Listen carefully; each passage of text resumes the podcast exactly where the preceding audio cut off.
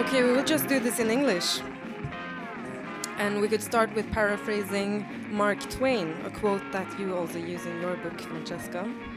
For a person in the West, a person like myself, a war is an excellent opportunity to learn geography. We tend to believe that this is not about ourselves, although it certainly is. The war in Syria started with demonstrations and a call for democracy in 2011. Then came the tear gas, then the bullets, then helicopters, tanks, barrel bombs, nerve gas, a rise in religious fundamentalism, and by now, over 250,000 people have lost their lives in this war.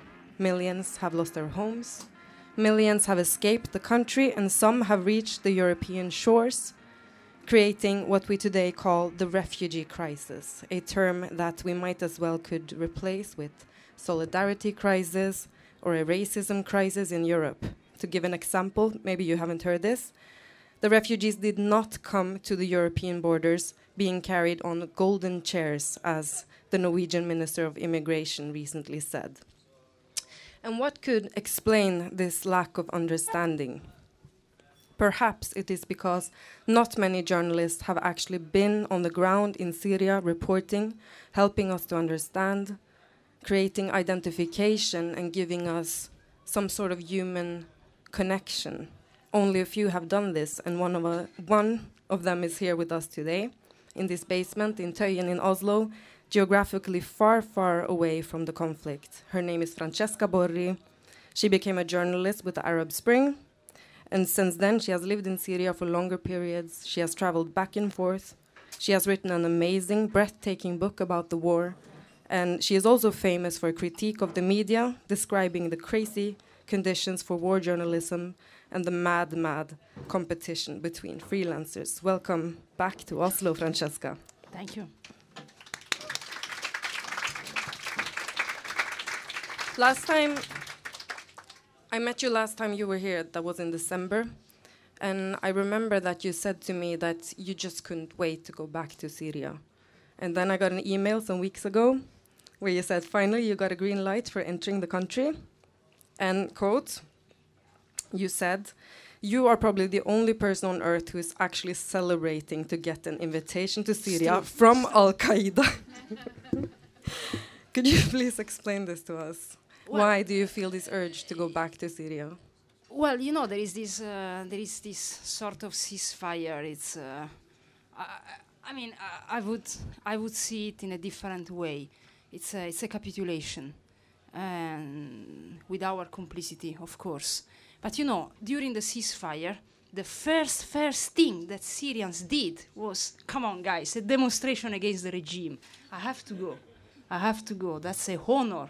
Doesn't matter. It's Al Qaeda. I mean, it's that comes later, and it's really honor. I mean, when I was looking at pictures, it's uh, it's amazing. It's amazing. Hats off to Syrians, and uh, I will be there um, because this is not a ceasefire. And the point is that uh, in five years and 480,000 dead, uh, in five years, this is the best moment ever for Syria. I mean, this is really a chance for peace. The point is that, uh, you know, it's after five years. I think that it's it's a matter of common sense, of good sense. After such a war, of course, both sides are wrong. You can't think that after all what happened, you give everything to Bashar al-Assad. Uh, Eh, now you know. Now everybody can easily interview Bashar al-Assad. Until one month, one one year ago, was impossible, and he wasn't talking to journalists. Now it's very easy to get a visa and go. And a honest journalist should say at the beginning of the article, yes, I'm entering Aleppo, but I'm entering Aleppo with the driver of the regime, which is a regime, is not a government. Come on, and you know a honest journalist because is something that we always tell you when we enter with Al Qaeda, with jihadists, or with other kind of regimes. So let's be honest with readers. Let's explain them exactly what we are doing and why now we are allowed to do that. because we are always embedded, and wherever we are, with the United Nations, with an NGO, with Al Qaeda, with the regime, with the government, wherever you are as a journalist, you are never free. It's just a matter of different degrees of freedom. But you are never free. So, and that's the difficult part of the job of a journalist. So the point is, uh, now that it's so easy to to meet Assad and to speak with Assad, I read a few days ago this interview, uh, a German newspaper or a German TV, I don't know. There was a transcription. And at some point, one of the final questions was, oh, but now, you know, after five years, all this disaster, uh, everything started with uh, uh, young, a group of teenagers writing on the walls uh, down the regime. Uh, and then you reacted, you know, do you think after all what happened that maybe your reaction was a little bit tough? Mm. And the answer of, I mean, this is the question, okay? The answer was, this story of the young teenagers is false. I don't understand why you are still believing this propaganda. Okay, if this is the peace agreement, then the world wants, I can tell you, okay, six months of ceasefire and then fighting will start again. Because this is a capitulation. Mm. This is not peace. And you say that you will not be free when you go into Syria. No, but I'm never free. And the point is, what I really don't understand is why it's it's it's a banal thing. I'm never free. You know, you know when as a journalist. I don't know if there are journalists here among, you know, uh, we all know that you know now uh, since it's the end of journalism. Nobody pays foreign correspondence anymore because we can use YouTube, you know, you can use Facebook, we can call a Syrian on the ground, hey, what's going on? And you write an article. Um, it's the only way to cover the expenses, or for example, when you cover Africa, when you cover Burundi, Central African Republic, these kind of places. It's very expensive because most of these countries, I, I don't cover Africa, but you know, uh, you can move from one place another only by helicopter, so it's terribly expensive, or by plane. Um, the only way to go is with NGOs. Now, if there is one situation where really you are not free is when you go with an NGO, because of course, you know, they want you to act as a sort of communication officer. The reason why I didn't cover the Ebola crisis, I studied everything and blah blah blah, and and the only way to to go to somewhere, one of the countries, the four countries of the Ebola crisis, was to go with uh, Doctors Without Borders, which is an amazing organization. Um, was the only way. Unfortunately, I had the bad idea of getting in touch with the Italian section, and and not with the Brussels section. And, and so they told me, oh yeah, yes, okay, amazing, and also uh, with an amazing photographer, all published, because you know um, there are more or less 21 days, three weeks between the diagnosis and the death. So my idea as a writer, not as a journalist, because there was the New York Times basically covered, you know, I wasn't focused on the news. My idea was with a photographer, I want to stay in one room or in one house, whatever, with a patient for the 21 days. And I want to write a short book called Death of a Man. So all publishers said, go. I mean, we will publish it immediately. As you, as you understand, it's not properly news. It's something where, where there is everything. There is not only a virus, there is, there is everything inside these kind of things. Um, I can understand if, as, a, as an NGO, you tell me, you know, I have space only for one journalist. I prefer the New York Times because they cover the news and I need money, I need, you know, funding and I need donations. Makes sense. But when you say, no, you know, but the story is not this, you can come. But I, I want you to write about the positive stories. I want you to write about, you know, what's good in what, what, what the international community is doing and the idea that most patients are, in the end, don't die. And I don't want, you know, these negative stories at that point you can you can accept which is most journalists do also otherwise you don't have anything from But- these countries And you decided not to do it. no Can you tell us, first thing, when you go to Syria, what will you do? the first thing Yeah. Do you change your SIM card? Do you, I mean, what is oh no i don't have any electronic device Okay. nothing no nothing uh, you Just explain to us. The Uh, process of getting into the country. means that you arrive on the border at some point, Turkish border, somewhere on the border. Um, when you arrive, you just stay in a place, which is the place where I've been li- living in the last years. You never go out, never. Um, of course, you are protected by these people, by the owner of the place. It's a religious place, it's a Catholic place. You never go out. Um, at some point you you get a WhatsApp or a message or some, something, and they would say because the, the border is closed, so you cross with the smuggler, and so they will uh, tell you, okay, tonight. And then you go, it's 30 kilometers, 20 from the border. And then you will reach the place with a driver you trust and dressed as a refugee with clothes borrowed by a refugee. Um, nothing with you, no electronic device, and nothing. Uh, everything must be locally made. I mean, you can't have your uh, toothbrush uh, with an Italian brand. Um, and and then you just uh, uh, and then you just trust Syrians and then you really believe in your story and then you just tell yourself okay these stories were my life which is something that i agree many journalists you know i'm i'll criticize for this thing because they say no story is worth uh, the life of a journalist. I don't think so. So if you want to think like this okay i'm an author every writer will tell you yes there are stories worth our life. So as a writer i have the freedom to say yes these stories worth my life. And at that point you you are totally focused on on on on Syria, which is something that I'm already I am already. Is also curious because you know it's war journalists are not a nice companion, um, because we are always um wherever we are.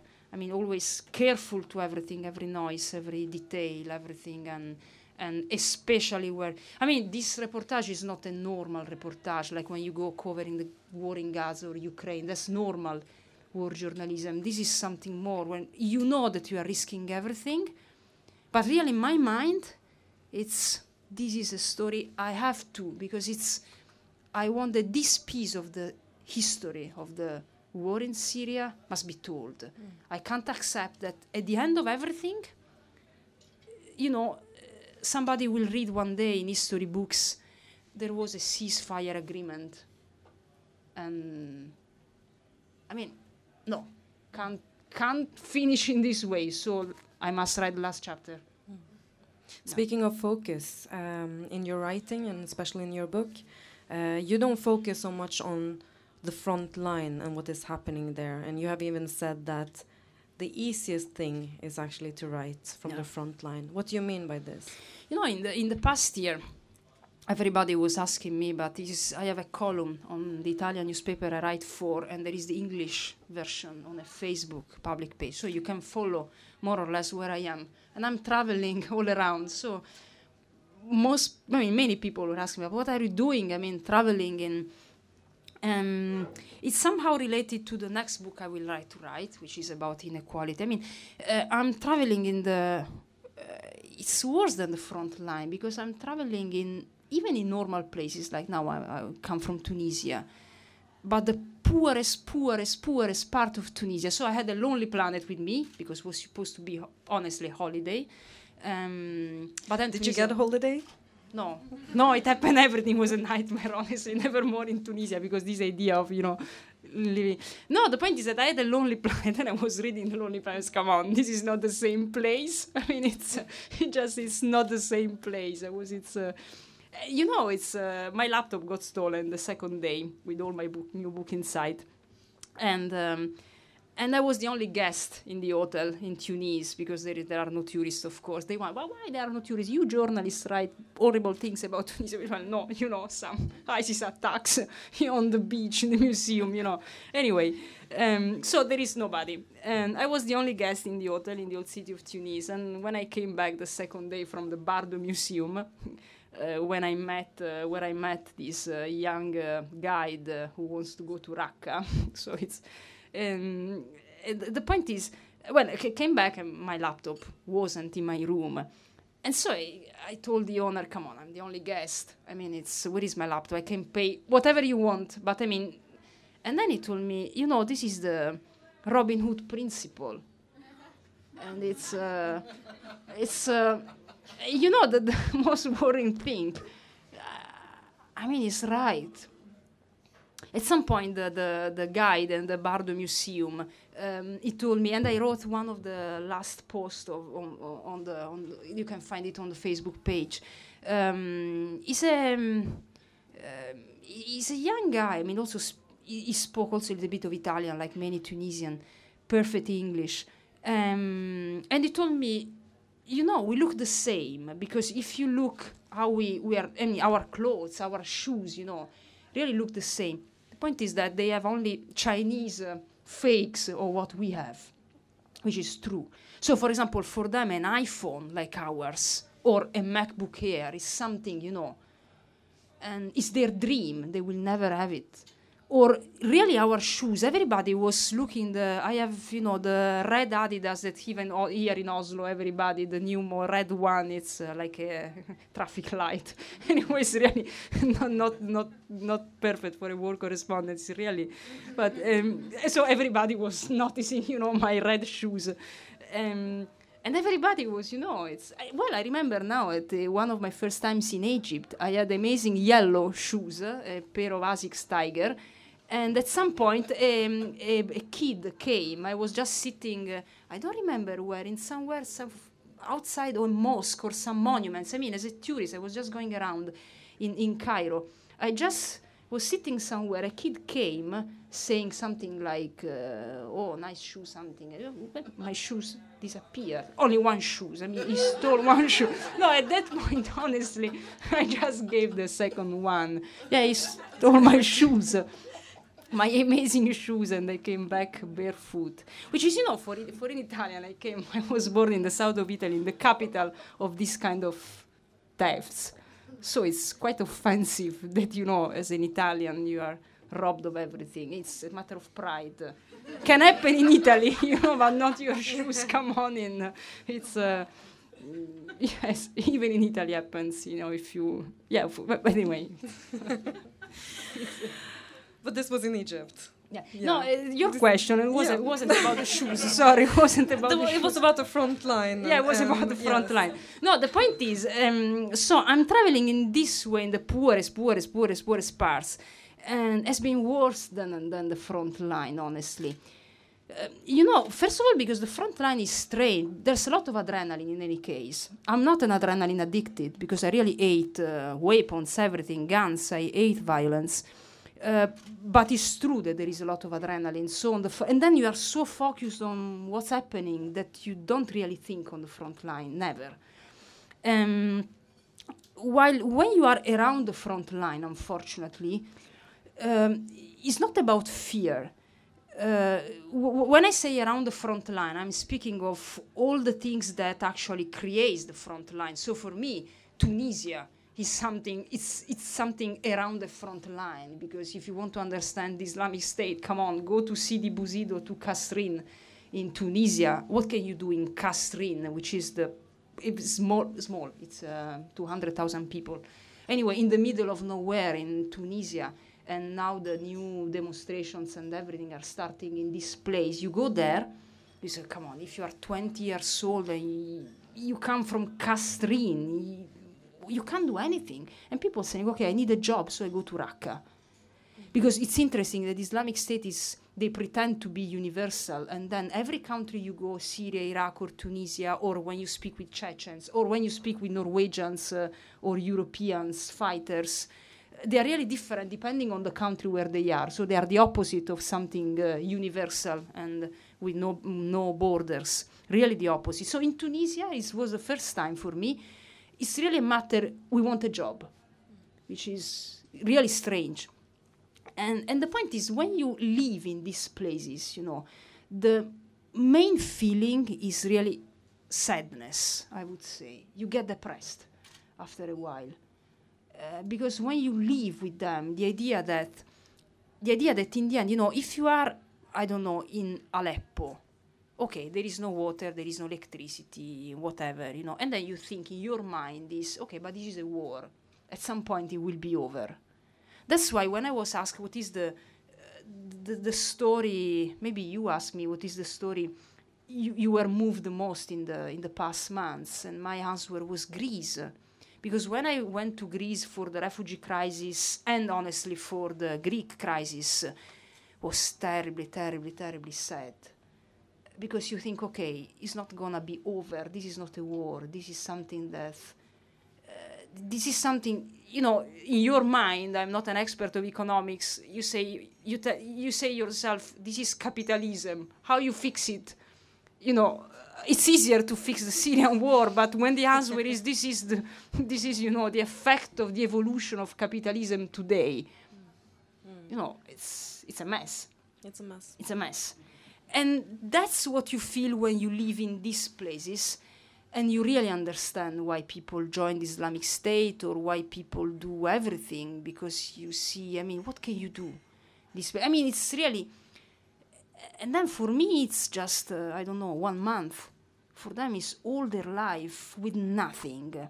Consider also that for us, it's really difficult to, to imagine because we can travel.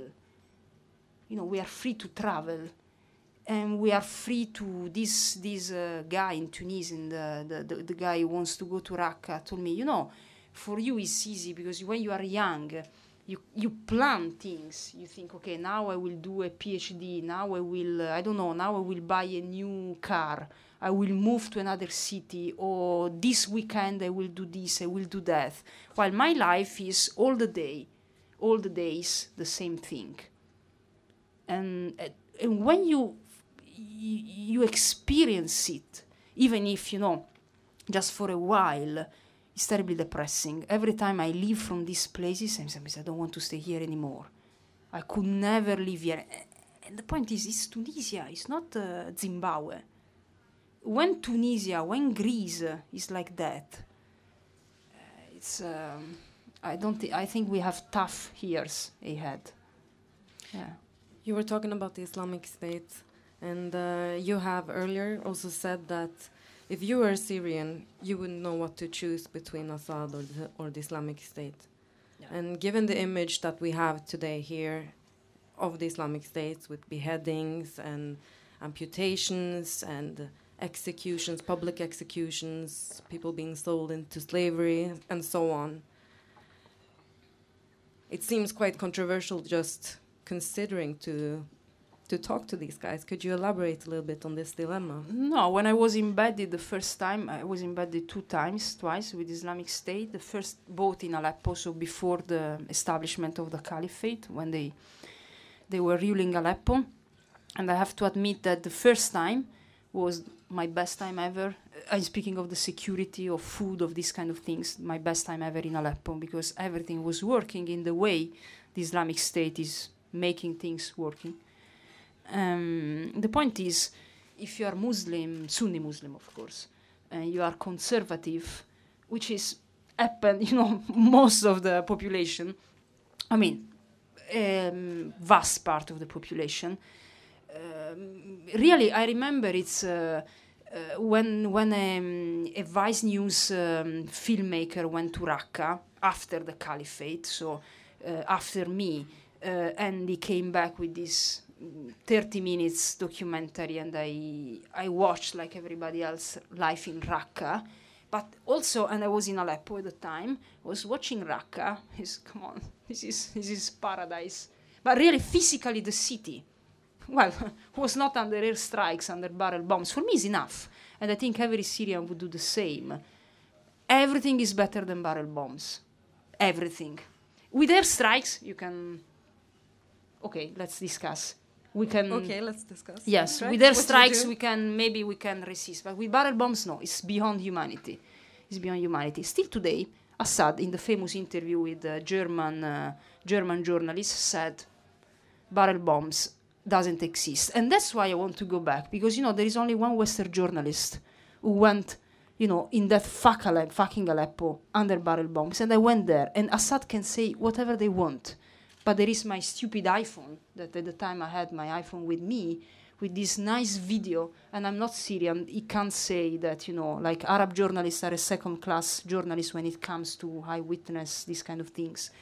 And he can't say they don't exist because there was a journalist filming them. And I'm sure that, you know, in, in the next years, when at some point he will end up in The Hague, that is the only place where he should live. Uh, he won't be able to say, oh, you know, there was a ceasefire agreement and the Syrians uh, decided to, you know, this is the legitimate government. He can't. He can't because this is, we live in 2016. I mean, come on, this, I can't accept that this is going on, this is going on today. It's for me, you know, I come from, I was a human rights officer. It's the end of international law. It's the end of everything. What, everything I studied doesn't exist anymore I, I, don't know if some of you studied international law. It's like in the a few years ago when there was the intervention in Libya, everybody, including me at the time working as a human rights officer, we were discussing, you know, oh, but UN Security Council, the authorization, let's this, let's this, this comma, this other, this paragraph, let's change these words, the meaning of this, the meaning of that, because even if, you know, the UN are what they are, but at least basically we were trying to find a way to act, you know, respecting or uh, now it's nothing. Have you? I mean, we, we, we could talk about what the UN are doing.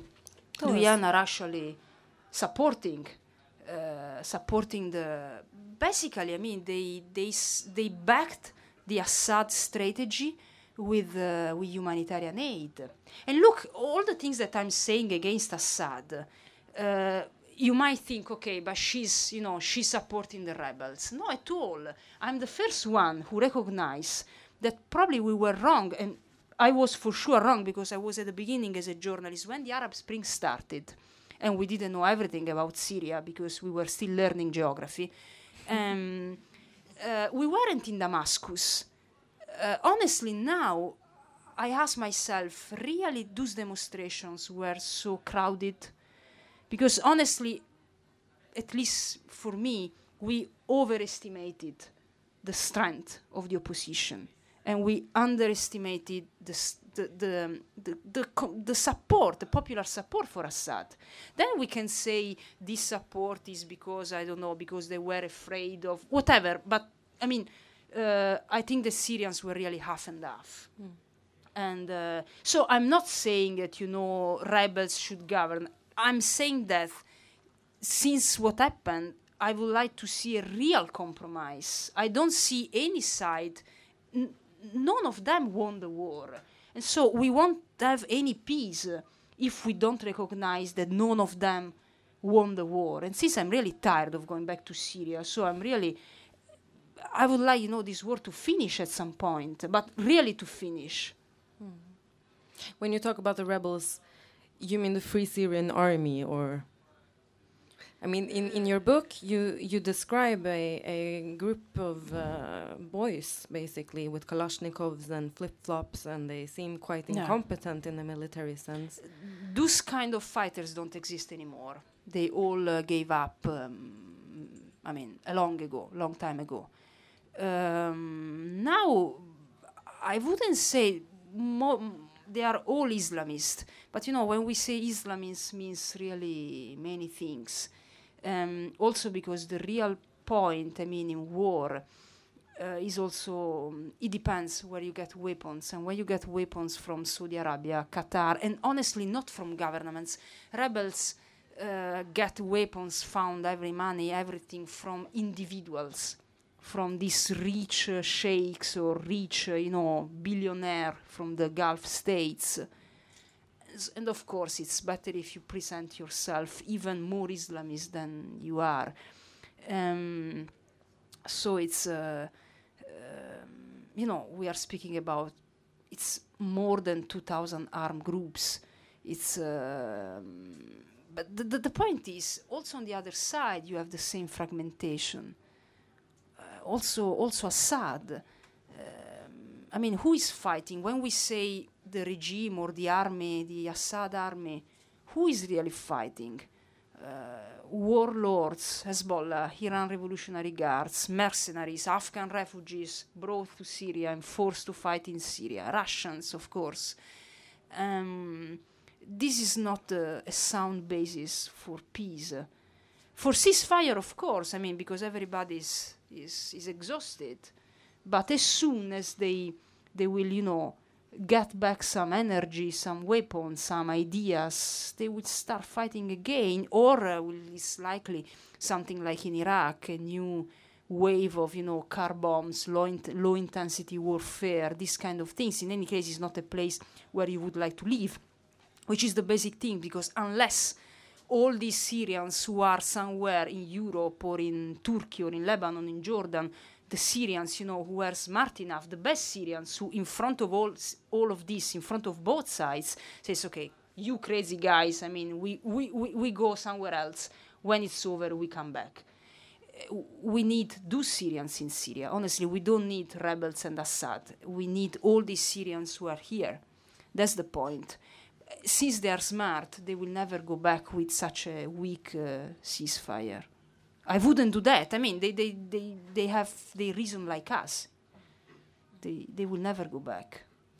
I would like you to speak a little bit about the conditions for freelancers in Warzone as well.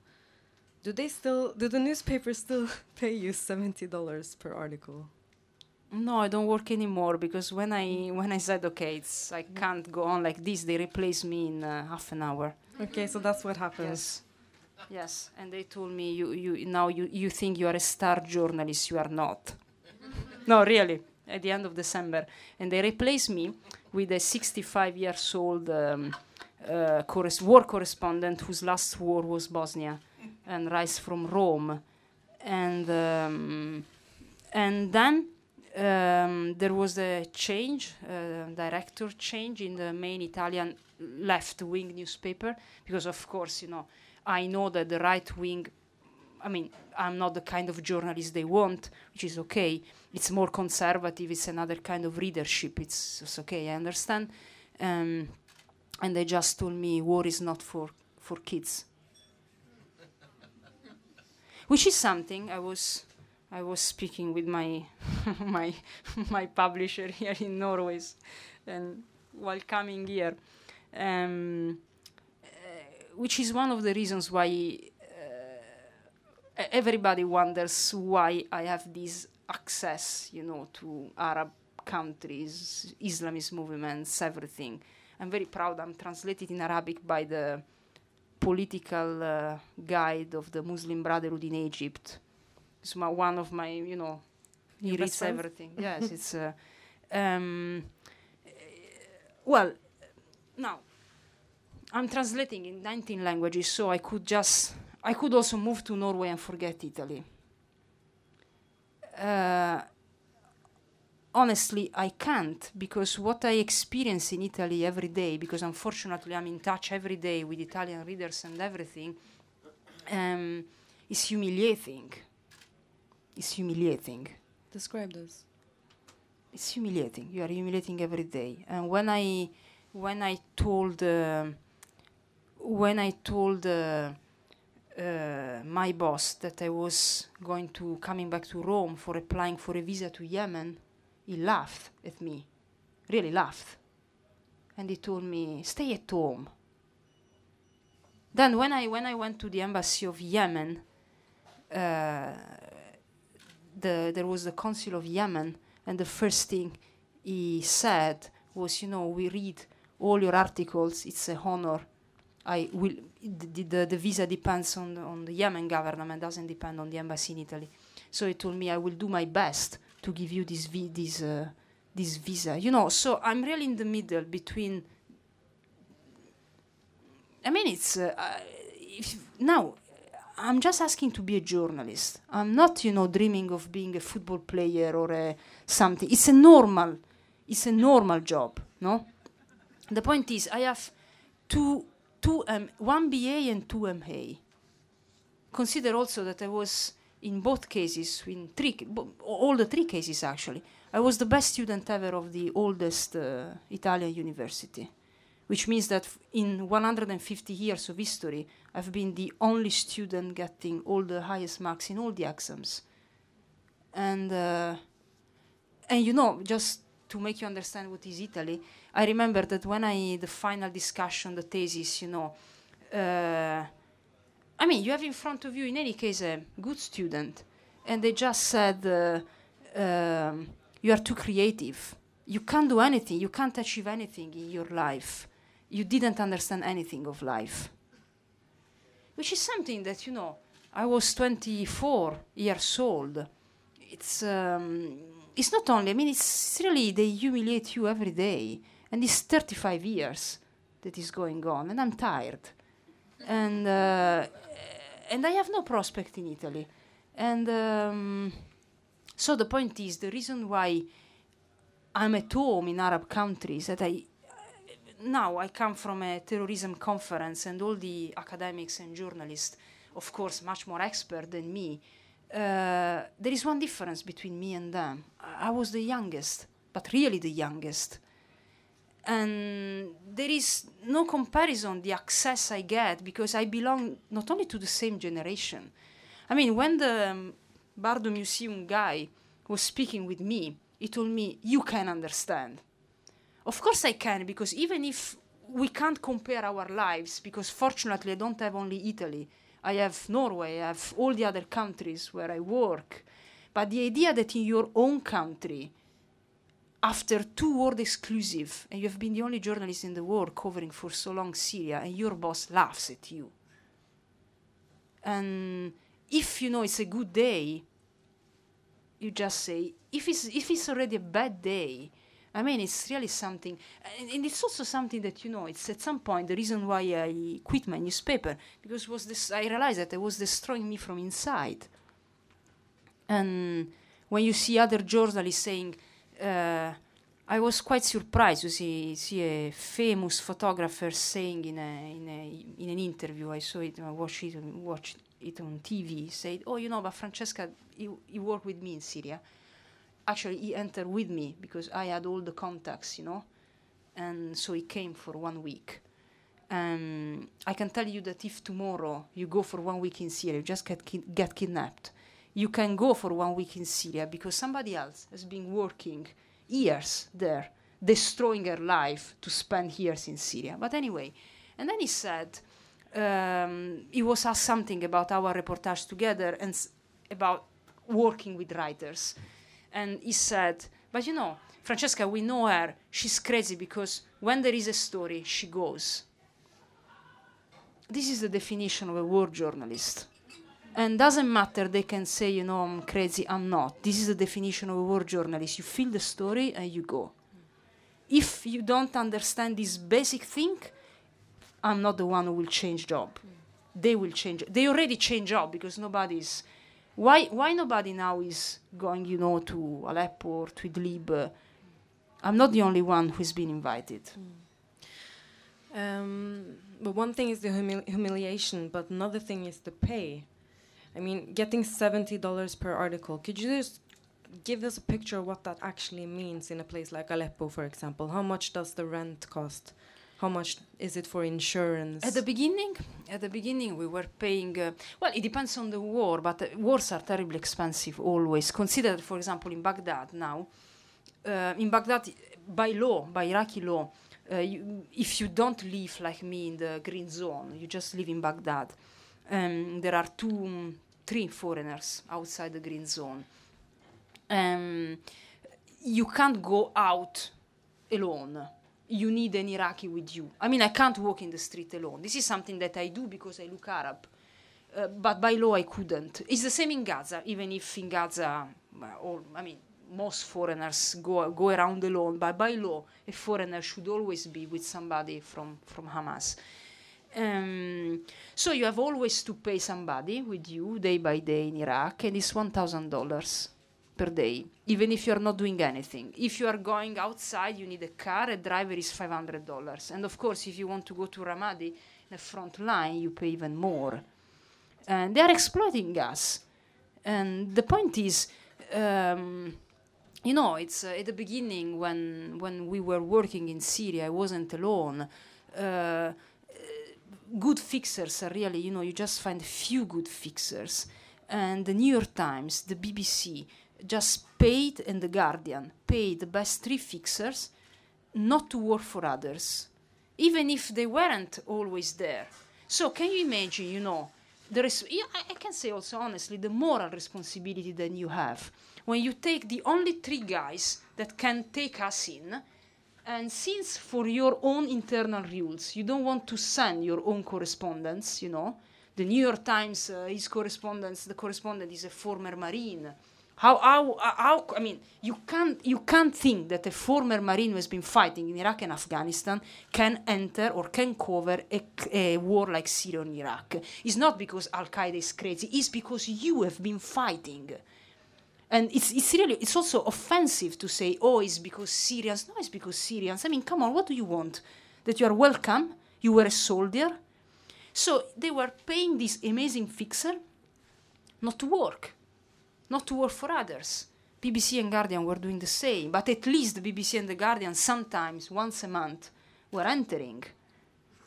At least but you know, and now the only fixer you can enter with in Syria has the same kind of contract, and uh, is taking me in. So I won't tell you which is the big media is working for. And he told me otherwise we will we will never have any more uh, foreign journalists. So it doesn't doesn't matter. I will take you inside. I will take him take him inside for free because that's in the end what Syrians are. And the responsibility, you know, of of of, of journalists, of media in wars and what's what's happened are giant responsibilities. Really giant responsibilities, and also also basic things. You know, now the refugee crisis. Now everybody, you know, it's like a wave. Sometimes suddenly we show up all together in Ukraine, in Hungary, in Greece. It's like it's. Uh, and of course, I can imagine, you know, from the point of view of the local population, that suddenly all these crazy guys arrive and suddenly they leave, even if the crisis is still ongoing. So at some point, we all were in Hungary. Uh, we all were in Greece, and there was this terrible, terrible thing of every time a small boat was coming in Lesbos, was just a few kilometers from, a few miles from Turkey everybody small boat every time a small boat was coming you don't see anything because the, the picture that in the end is sold and goes everywhere is the picture of the photographer who is the first in line. So you don't see the other hundred photographers who are behind him. Is a boat coming. Hey, hey he's coming he's coming everybody. Come on it's, it's something that usually i look at them and see but during the night i want to know but you, do you sleep I mean, in the morning, when do you wake up? What do you think about yourself? Sometimes, sometimes you have some. Of course, then you have amazing journalists. You know, it's strange because you find really out of 100 journalists and photographers, you find five of them who are really amazing people. Amazing. The kind of people that you know you talk with them and it's uh, amazing. But then you have this other 95 was something terrible. Really, really terrible. I mean, it's um, in every war. They really. I already, I already told uh, last time what happened in Gaza during the war when we got this phone call. You know the the funny phone call that we were writing about. You know when the Israeli army calls, "Hey, we are gonna bomb. You have five minutes to go." And even if we, you know we, wrote this thing you know countless times because palestinians told us what was happening at some point it happened to us and i got this phone call. And when it happened to you you don't know what to do. That's the point that's the point. So i just answered the phone. Somebody said oh you know we are going to to bomb uh, i think tower c in five minutes. And and then i said oh thank you. Because I, you didn't know i didn't know what to do so then, then it's, okay. It's five minutes. First question: Where is Tower C? And and so in these five minutes where we were trying to understand where is Tower C, so call, calling you know the everybody and and the GPS, the eh, Google Map, everything, and just to just to decide to escape, you know, right or left. And, and then we were trying, you know, the shoes, everything. Uh, we were in um, Gaza's, you know, uh, high buildings because of the, the, stu- the population, uh, the high density of the population. So we were like at eighth floor, something like that. And of course, you know, we just ran away and down the stairs. You know, every floor I just stopped and knocked at every door because there were Palestinians family saying, hey, you know, go away, go away. Of course, I mean, it's, it's I'm a normal, not only journalist, I mean, I'm a normal person. And then I was with this uh, Pulitzer Prize winning photographer. And he said, hey, Fatu, go, go. But he wasn't saying, go because they're gonna bomb and you're gonna die if you don't, you know, don't run away. Uh, he, he told me, go, go, otherwise, you know, we arrive too late we arrive when it's over because of course you know for a photographer everything is to take the pictures exactly in the moment when the missile hits the building there is only i mean half a second even less than half a second when you see the explosion. And no photographer yet had taken that kind of photos. That is something that photographers love during war. And so when we finally arrive in front of the building there were all these photographers in front of the building you know just ready for the and all these Palestinians running, you know, without knowing what to do, where to go, and and they were so upset with that. Upset is not the right term. They were disgusted. Mm. They were right. Yeah. Could you say something more about the ceasefire that we are, that is in Syria at this moment? What uh, do you think of the future? Is there any any reason to be optimistic? Well. Uh, it's um, it's, it's uh, first of all it's a 15 uh, days uh, test for now. So this sort of agreement is um, let's see for 15 days how it goes. If after 15 days um, we know the point is it's, it's funny because the point is that we don't even know who is saying these things and um, we don't know who are the groups including in the ceasefire, because uh, for Russia and Assad, terrorists are outside the ceasefire. So who knows who the terrorists are? And on the other hand, also for rebels, some groups didn't say clearly if they re- will respect this ceasefire or not.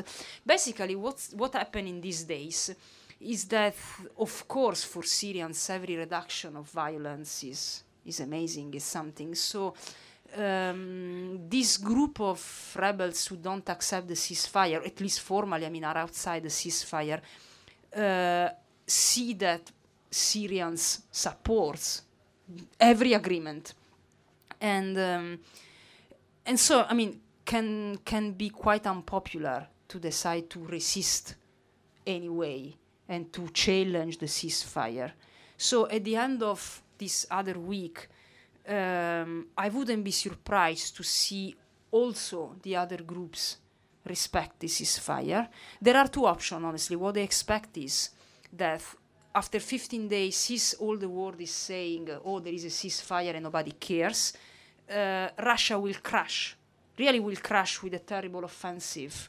Uh, this small uh, area with they are all in one area, so it's even it's not so difficult to destroy everything with uh, with airstrikes.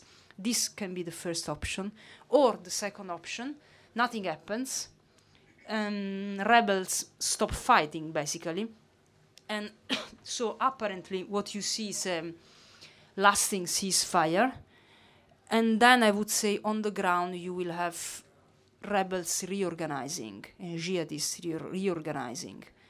And uh, and so at some point in a few weeks or in a few months you will have if Assad doesn't change politically something uh, you will have violence again. Consider that now, what, what, what, for example, we, we never write is that in the past, I mean, in the past year, we already had local ceasefires in Homs, in other areas. Uh, all Syrians who decided to trust these agreements I'm speaking also of Syrian activists, not only fighters. It's okay, I will go back to Homs because there is a ceasefire. They disappeared. So the point is that uh, I, I, told you it's a matter of a compromise. So no side won. So the point is uh, the regime of Bashar al-Assad is willing to respect least the life of these Syrians who will come back, or because if the option for Syrians is okay, if I stop fighting, I have to leave Syria, or I will die, I will get killed, of course they're gonna fight. So that's the point. It's also a matter of how much pressure and what kind of pressure um, Russia will uh, will exert on on on Assad. Uh, of the idea that we are in the hands of Putin tells it all. Yeah. Not very optimistic then. Well, but at some point it's better that anything is better than barrel bombs. Also, I don't even want, you know, even if I'm realistic, I don't, ev- I don't even want to be pessimistic because I, I, also I feel, for example, the responsibility of the reportage I'm gonna write mm. because I will be, inshallah, I will be the only journalist reporting on these rebels who don't accept the ceasefire. So if I write something like, you know, oh, they will resist forever, or something like, I don't know, it's a responsibility. It's really responsibility. If I write, uh, oh, this is an, I don't. It depends, of course, on what I find on the on, on the ground. But since I know them already, for example, I know that I have support of the local population. I know that they are administer- administering their areas quite well in a war situation. Um, so I don't expect to find a terrible situation. I mean, I expect to find good guys in the context of a war like Syria's war. And and I was so I'm asking myself, but if you give this image, you know, maybe you will convince people to go on, to resist, to because it's clearly, I mean, if they allow me to enter now, clearly it's because they want me inside. So my question is why they want me inside now? What they expect from me? Um, this, there are so many questions, you know, that are in my mind, of course, because when there is only one reportage coming out, would be better to have more journalists, more voices, more views. When you have only one voice, is is dangerous, even if it's your voice, of course. Um, I could be terribly wrong. I could go there and you know misunderstand what's going on. Um, who knows? Um, the real thing I hope is that other journalists will follow and will understand that if nothing happens, uh, they can understand that they can go. Just one last que- question. Um, you are from Bari, the south of Italy. it's the Uh, capital of thefts. it's true. And you have said uh, in early interviews that uh, ever since you can remember, you have lived with the refugee crisis. Could you just give you give us your take on the current debate on refugees in Europe today? You know, it's the, it's the last the last post I I, I, I published. Um, I think we, as Europeans, we have be, been giving our the best and the worst of ourselves. And I was thinking while writing, especially to Norway, because you know Norway is the country who is doing the most for uh, for refugees, because you are spending more than everybody else. And um, and the point is that I'm saying that Norway is doing more than even more than Germany because unlike Germany, Norway is working politically, um, and the two things must go together. Because you have Jan Egeland, you have the Norwegian Refugee Council, and not only you have a foreign service which works. It was impressive for me that in Hebron during the Intifada, the only diplomats who come to visit not only Palestinians, both Palestinians and Israeli, just to understand what was going on, uh, Swedish, Swedes, and, and Norwegians, the only the only ones. All the others, uh, since the old city of Hebron was a military area, when Israeli soldiers said, "Oh, you know, you can't you can't enter," was okay. We will go. Have a nice day. Norwegians and Swedes just came from the backside and and me they met both sides. Um, so that's why I'm saying that Norway is doing more than everybody else. At the same time, you know, at some point I, I was in Tunisia and I read this even surreal story of these refugees stuck in the in northern Norway, the border with Russia. The funny thing for us, for foreigners, was reading that Norway was confiscating the bikes because they weren't, you know, the standard of the Norwegian law. I mean, it was very Norwegian this story. And it's uh, we're checking, you know, the bikes. You know, everybody was laughing outside Norway, and it's. Uh, um, so really, you know, and this is really what we are, you know, because even Calais, no, Calais is something shameful for, for France. And at the same time, you have how many volunteers? In any case, not enough, but you know, you have so many French French volunteers going to Calais, you know, and, and then burning Calais. In every country, you have the same. Uh, so in, in Europe, you have Denmark, you know, confiscating the the gold necklace is something shameful, and and you have the you know the the, the Greeks were touching because the Greeks are really sharing. If you are in Athens, in these um, um, in these um, how do you say in English the um, soup kitchens uh, of Athens, I mean it's a city of beggars and they are sharing the little food they have. It's really moving Greece, really sharing everything. Nobody's complaining, saying, oh, but you know, we, are, we have already a crisis and these are Afghans. Nobody, nobody, uh, at least in Athens. In the islands is a little bit different. So you really see, um, you see both things, so many things because we are confused. And of course, you know, since I live uh, in the other side of the world, uh, for me is uh, uh, for me there is a Syrian family in my house, of course. And in your house in Italy. In Italy, yes, there is a Syrian family, and there is the village complaining because they say that um, they destroy the image of Tuscany for tourists. Um, and the point is, is um, you know, it's a, it's a structural thing. So the point is, our mistake is to think that okay, now that the war in Syria will be over, or now that Iraq, it's, Iraq, it's Syria. It's not. It's not. It's it's from everywhere. I don't want to use the image of you know like an invasion, but it actually is. It is coming from everywhere, and uh, because it can't work in this way. There is poverty everywhere, just one step outside Europe, and even inside Europe it's it's there, there is poverty there is freedom there is no freedom there's everything. And, and that's the main thing that we we don't understand that it's not a matter of the war in Syria or that's why I decided to write only one thing but from Zarzis Zarzis is in Tunisia is in southern Tunisia. Is the the, the beach where when I was a teenager everybody was living from Zarzis um, because at the time uh, was the main route. You know, the routes are just a matter of smugglers, of wars. They change with the season, and it's uh, and and today when you walk uh, along the sea in Zarzis, you find all these shoes. it's really impressive. Shoes everywhere, shoes and uh, shipwrecks, and of course they are still living. And they and there is um, the postman Mohsen, and the, the, postman just, you know, uh, uh, he has been bi- riding his bike for 20 years, back and forth, back and forth along the coast, and he just collected whatever he found. And so now his house, his inner garden, is uh, the Museum of the Memory of the Sea.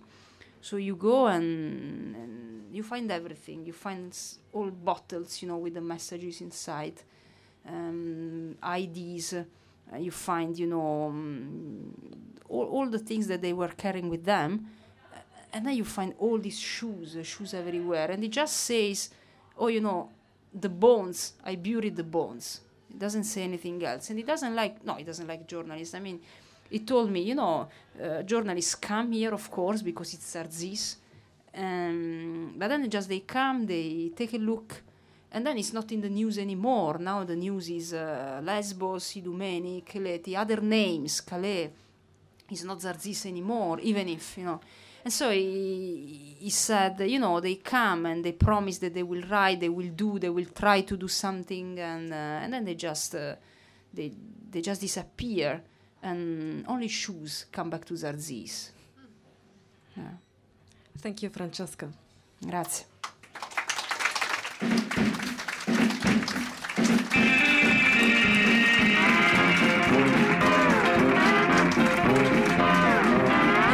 Du har hørt på Bodegapraten fra Tøyengata Bodega. Programleder var Lotte Helstad. Følg oss på Facebook, Soundcloud, iTunes og TuneIn.